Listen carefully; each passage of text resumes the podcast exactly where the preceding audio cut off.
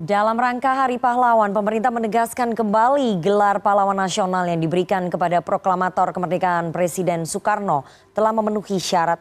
Presiden jokowi juga menyatakan bung karno tidak pernah mengkhianati bangsa bukan komunis dan tidak melindungi pki di sisi lain pdi perjuangan mendesak negara meminta maaf kepada soekarno dan keluarganya sebagai upaya rehabilitasi nama baik sang proklamator. Perlukah negara meminta maaf kepada bung karno dan keluarganya untuk membahasnya lebih dalam, kita sudah terhubung melalui sambungan Zoom dengan Ketua DPP PDI Perjuangan sekaligus Wakil Ketua MPR RI Ahmad Basara. Selamat sore Mas Bas. Selamat sore, selamat sore pemirsa CNN. Dan ahli hukum tata negara Universitas Andalas Ferry Amsari. Selamat sore Mas Ferry. Sore Mbak Risa. Oke. Okay. Saya mau ke Mas Bas terlebih dahulu. Mas Bas, pemerintah telah menegaskan bahwa Bung Karno bukan komunis dan tidak mengkhianati bangsa ini. Bahkan Presiden Jokowi sudah mengatakan bahwa Bung Karno telah memenuhi syarat mendapat gelar pahlawan nasional. Tapi partai Anda, PDI Perjuangan, mendesak negara meminta maaf kepada Bung Karno dan keluarganya. Apa urgensinya ini, eh, Mas Bas, PDI Perjuangan meminta negara melakukan hal itu?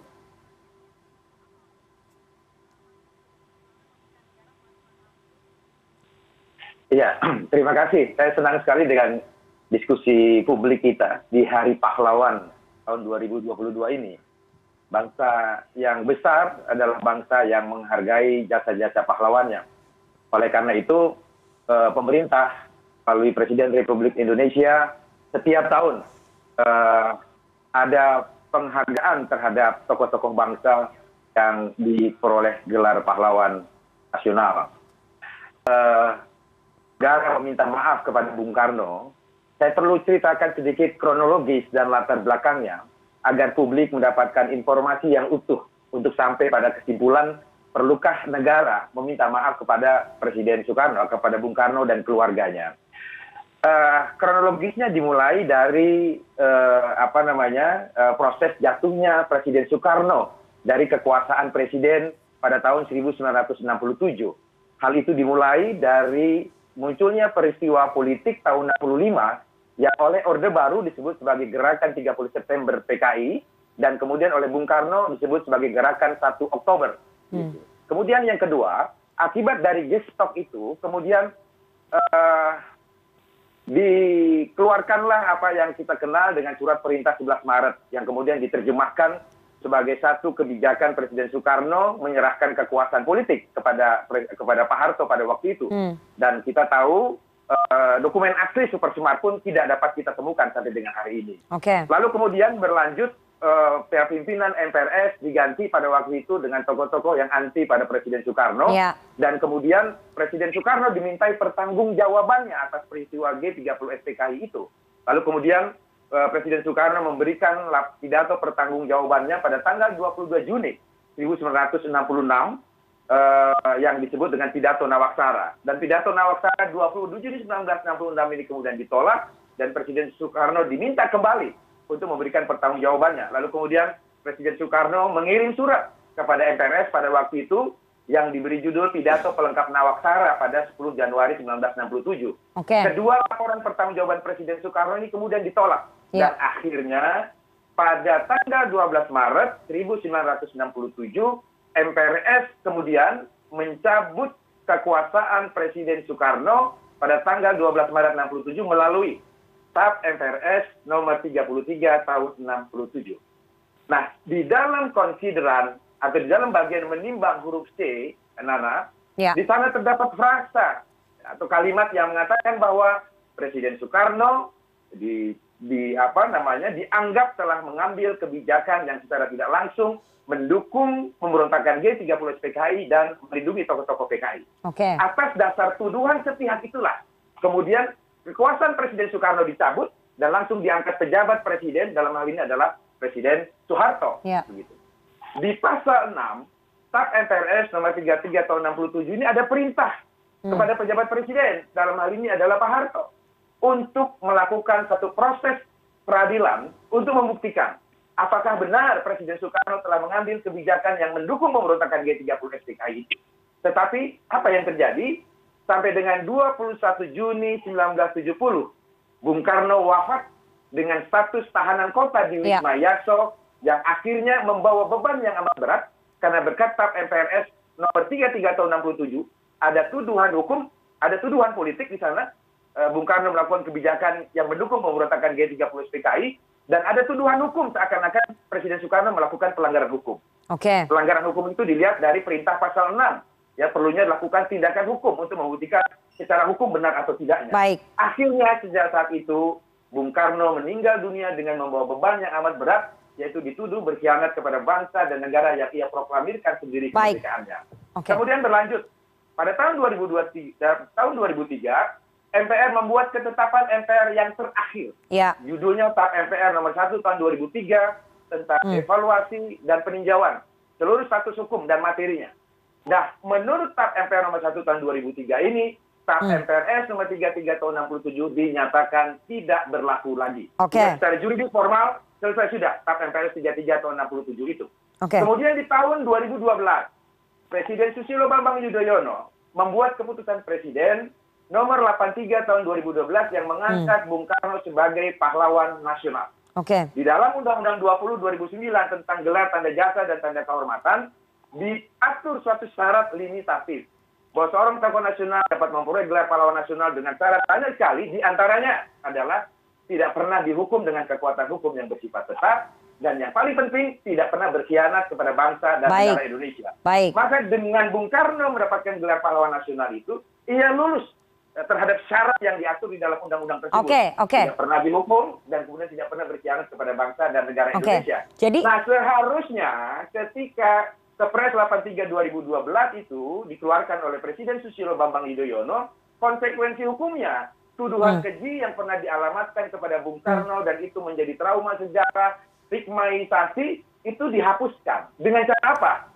Pemerintah ya tentu saja melalui kepala negara sebagai pemegang kekuasaan eksekutif tertinggi menurut pasal 4 ayat 1 Undang-Undang Dasar 1945 okay menyampaikan permohonan maaf ya kepada Bung Karno dan keluarganya baik. agar nama baik Bung Karno dipulihkan. Oke, saya nah, sudah dapat poinnya.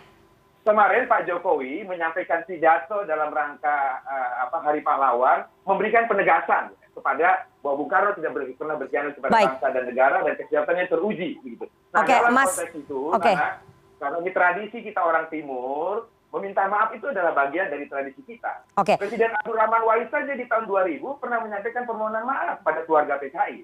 Padahal itu tidak ada dasar hukumnya. Nah, permohonan maaf kepada Bung Karno ini memiliki dasar hukum yang sangat kuat yang saya kira itu bisa dapat dipertanggungjawabkan okay. secara hukum dan itu bagian dari tanggung jawab moral kita menghargai pahlawan-pahlawan bangsa. Apalagi ini menyangkut. Baik, Mas Bas, saya sudah dapat poinnya. Kita harus kasih kesempatan ke Mas Ferry sebentar. Tapi ya. saya mau tanya ke Anda dulu, apakah pemberian gelar pahlawan nasional dan penegasan pidatonya Presiden Jokowi kemarin dirasa belum cukup untuk merehabilitasi ataupun memulihkan nama baik Bung Karno? Harus ada permintaan maaf memang ya? Sebenarnya kalau dari sisi pernyataan Pak Jokowi kemarin tidak ada hal yang baru ya karena okay. hal itu sudah dilakukan oleh Pak SBY. Yeah. Karena ketika Pak Presiden SBY memberikan gelar pahlawan nasional dan ada Undang-Undang 20 2009 yang memberi syarat setia kepada bangsa dan negara tidak pernah dihukum dan sebagainya dengan dirinya Pak Jokowi itu adalah uh, pemimpin bangsa, tokoh bangsa yang selalu setia dalam sepanjang Baik. hidupnya. Gitu. Nah okay. harusnya idealnya menurut saya sikap itu disempurnakan oleh Presiden. Jadi belum cukup ya? Presiden Presiden Joko Widodo untuk menyampaikan permohonan maaf atas kekeliruan yang terjadi di masa lalu dan ini adalah untuk kebaikan anak cucu kita agar baik, proklamator baik, bangsa baik. ini tidak dilumuri oleh tuduhan yang tidak berdasar atas hukum dan tidak pernah dibuktikan secara hukum. Oke, Begitu, saya mau saya mau tanya ke Mas Ferry, secara ketatanegaraan apakah memang negara semestinya meminta maaf kepada uh, Bung Karno dan juga keluarganya atau cukup dengan pidato presiden kemarin? Pidato Presiden Jokowi kemarin yang mengatakan bahwa Bung Karno tidak pernah berkhianat terhadap bangsa ini ataupun Bung Karno ini bukan komunis. Apakah itu uh, belum cukup? Iya, uh, pada saatnya menurut saya uh, mengenai status besar ya. Eh, tidak lagi alur kan dibahas oleh anak bangsa ini. Karena bagaimanapun besar tidak terbantahkan adalah uh, pahlawan bangsa negara ini. Ya yang uh, saja. Ya, saya pikir uh, kalau dipakai deret deretan ya mungkin bagian yang teratas uh, perannya bagi bangsa ini ini tidak perlu diperdebatkan. Uh, bahwa beliau pahlawan, yes, bahwa beliau punya catatan sebagai manusia um, uh, kontroversial, bagaimana juga bapak bangsa kita yang lain dan bapak-bapak bangsa di negara-negara lain juga punya catatan yang sama dan itu lumrah saja sebagai manusia. Nah hanya memang beberapa karena ini sangat kontroversial ya, saya bisa bilang bahwa beberapa pemimpin bangsa ini cukup terlambat untuk merespon jasa-jasa uh, bung besar ya Presiden Soekarno. Uh, jadi cukup terlambat juga Pak Presiden Jokowi semestinya. Tetapi sebagai sebuah upaya ini patut dihargai penghormatan. Hmm.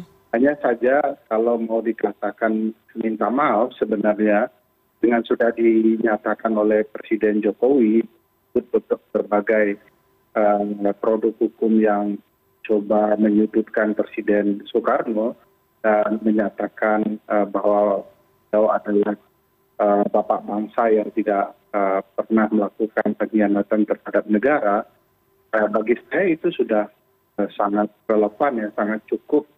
Hanya kalau memang disampaikan dengan bahasa atau frasa maaf, hmm kemarin itu semestinya itulah yang kurang dari presiden jokowi. Kenapa tidak disampaikan sebagai kepala negara kepala pemerintahan? Beliau menyampaikan mewakili bangsa republik indonesia meminta maaf kepada almarhum besar panglima tertinggi soekarno uh, atas berbagai kontroversial yang meliputi, meliputi selama ini dan juga mungkin meminta maaf kepada keluarga jadi kalau dibilang ada tindakan usaha negara yang luput tertinggal dari pidato kemarin, bagi saya mungkin sama itu. Oke, Mas Ferry, saya nah, ingin tanya. Cuman apakah kemudian harus? Ya juga. Hmm. Kalau mau pakai ke Jawa ya dengan pernyataan pidato itu sudah bagian dari permintaan maaf bangsa ini. Oke. Nah ini soal cukup tidak cukup ini akan sangat panjang tapi bagi saya pidato itu sudah sebuah pernyataan maaf ya walaupun tidak eksplisit dan tertinggal dari pidato presiden baik, Baik, berarti pidatonya Presiden Jokowi kemarin sudah cukup uh, dan uh, eksplisit menyampaikan permintaan maaf. Meskipun tidak ada kata-kata permintaan maafnya begitu ya. Uh, Mas Bas, Anda melihatnya ada keraguan di Presiden Jokowi sehingga tidak keluar ini kata-kata permintaan maafnya dari Presiden Jokowi. Tapi kalau menurut mas eh, ferry sudah cukup sebetulnya pidatonya presiden jokowi kemarin untuk bisa merehabilitasi nama baiknya bung karno. Karena gini mbak rita aku sorry pak abe aku potong sedikit ya. Karena kalau kita menganggap ada frasa yang tertinggal dari pidato presiden tadi yaitu kata maaf sebagai kepala negara kepala pemerintahan pertanyaan besarnya maukah presiden mengulang pidato untuk menyampaikan kata maaf itu ya. sebagai kepala negara dan pemerintahan karena lupa Oke, itu. Anda yakin lupa ya atau memang intensinya sejak awal tidak? Negaraan, bahkan politis ya. Okay. Kalau pencabutan itu, itu dan pidato itu sudah bagian dari permintaan maaf yang Baik. harusnya uh, ditafsirkan begitu oleh bangsa Republik okay. ini. Jadi tidak uh, tidak boleh dijadikan kontroversi, kontroversial lagi. Bahwa itu jelas-jelas bagian dari permintaan maaf.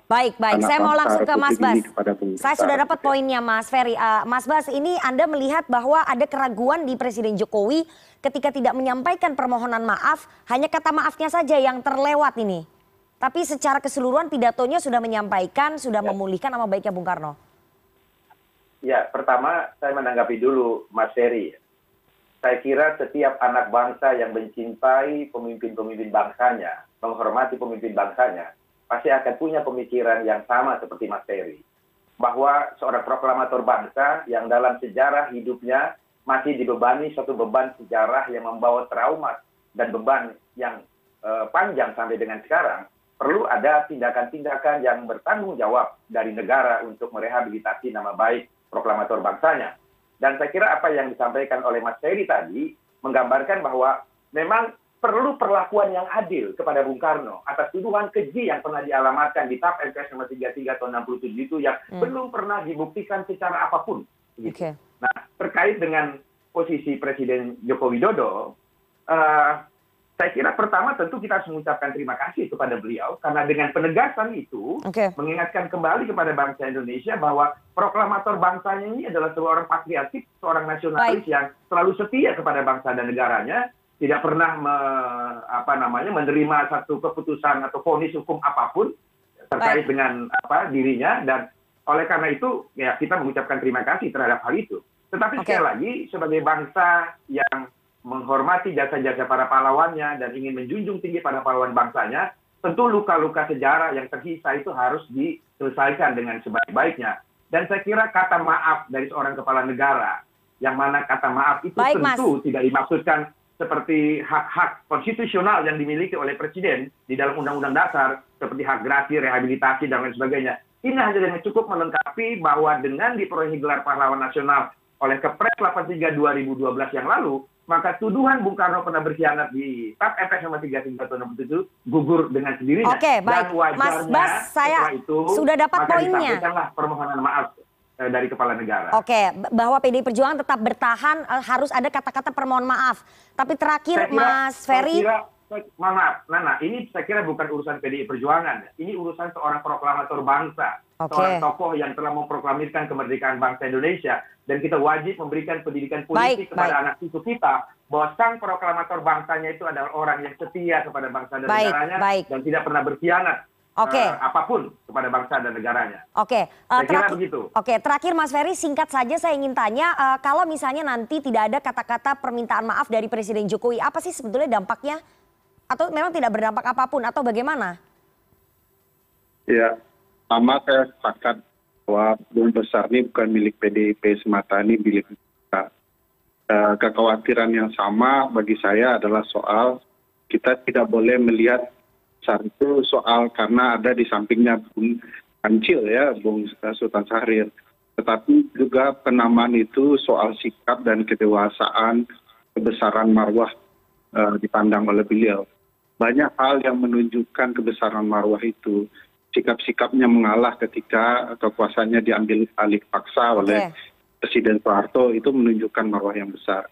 Dan bagi saya kebesaran marwah itu tidak akan hilang dengan tidak ada luputnya kata maaf sampaikan oleh presiden uh, Joko Widodo untuk mewakili uh, negara dan bangsa ini uh, terhadap berbagai peristiwa yang meliputi uh, atau dialami oleh Presiden Soekarno. Okay. Jadi menurut saya dengan uh, pidato kemarin sebenarnya itu sudah uh, pernyataan yang sangat luar biasa, penting ya, dan uh, bagian dari permintaan maaf. Hanya okay. kalau memang saya ingin katakan memang Waktu kita udah mau habis uh, apakah yakin Pak Abe bahwa Presiden Eh, jokowi dalam waktu dekat ini akan berpidato kembali untuk soal yang sama. Karena akan menimbulkan tafsir yang berbeda. Mungkin akan dicari waktu yang tepat ya. Hmm. mungkin 17 Agustus atau 10 November lagi untuk menyampaikan bahwa di bagian dari ini adalah minta maaf mewakili uh, seluruh anak bangsa Indonesia sebagai kepala negara kepala pemerintahan okay. agar kemudian tidak ada sekat-sekat yang tersisa bahwa penghormatan kita kepada bung besar dan seluruh pahlawan nasional begitu besar karena tanpa mereka tentu tidak akan pernah uh, negara ini bisa merdeka. Baik, saya gitu. sudah dapat poinnya. Uh, kira-kira nanti kita tunggu apakah tahun depan atau tahun depannya lagi Pak Jokowi masih punya dua tahun uh, untuk 10 November atau 17 Agustus uh, dua tahun lagi. Apakah kemudian akan ada keluar pernyataan permintaan maaf dari kepala negara mewakili seluruh bangsa Indonesia kepada proklamator Republik Indonesia uh, Presiden Soekarno. Mas Bas kita tunggu nanti dua tahun lagi ya. political will-nya Presiden Jokowi masih ada dua tahun lagi dua kali uh, Hari Pahlawan dan dua kali 17 Agustus. Kalau memang Presiden punya political will, itu akan terjadi. Kita tunggu bersama. Kita Terima kasih sekali. Tidak hanya menunggu, Nana, tapi juga kita mendoakan. Okay. Semoga Allah Subhanahu Wa Taala memberi hidayah kepada Baik. Pak Jokowi untuk menunaikan tugas sejarah berikutnya. Oke, terima kasih sekali dua orang narasumber yang sudah bergabung pada sore hari ini. Ada Ketua DPP PD Perjuangan, sekaligus Wakil Ketua MPR RI, Mas Ahmad Basara, dan juga pakar hukum tata negara Universitas Andalas, Mas Ferry Amsari. Terima kasih sekali sudah bergabung. Selamat sore dan salam sehat. Kasih. Terima kasih.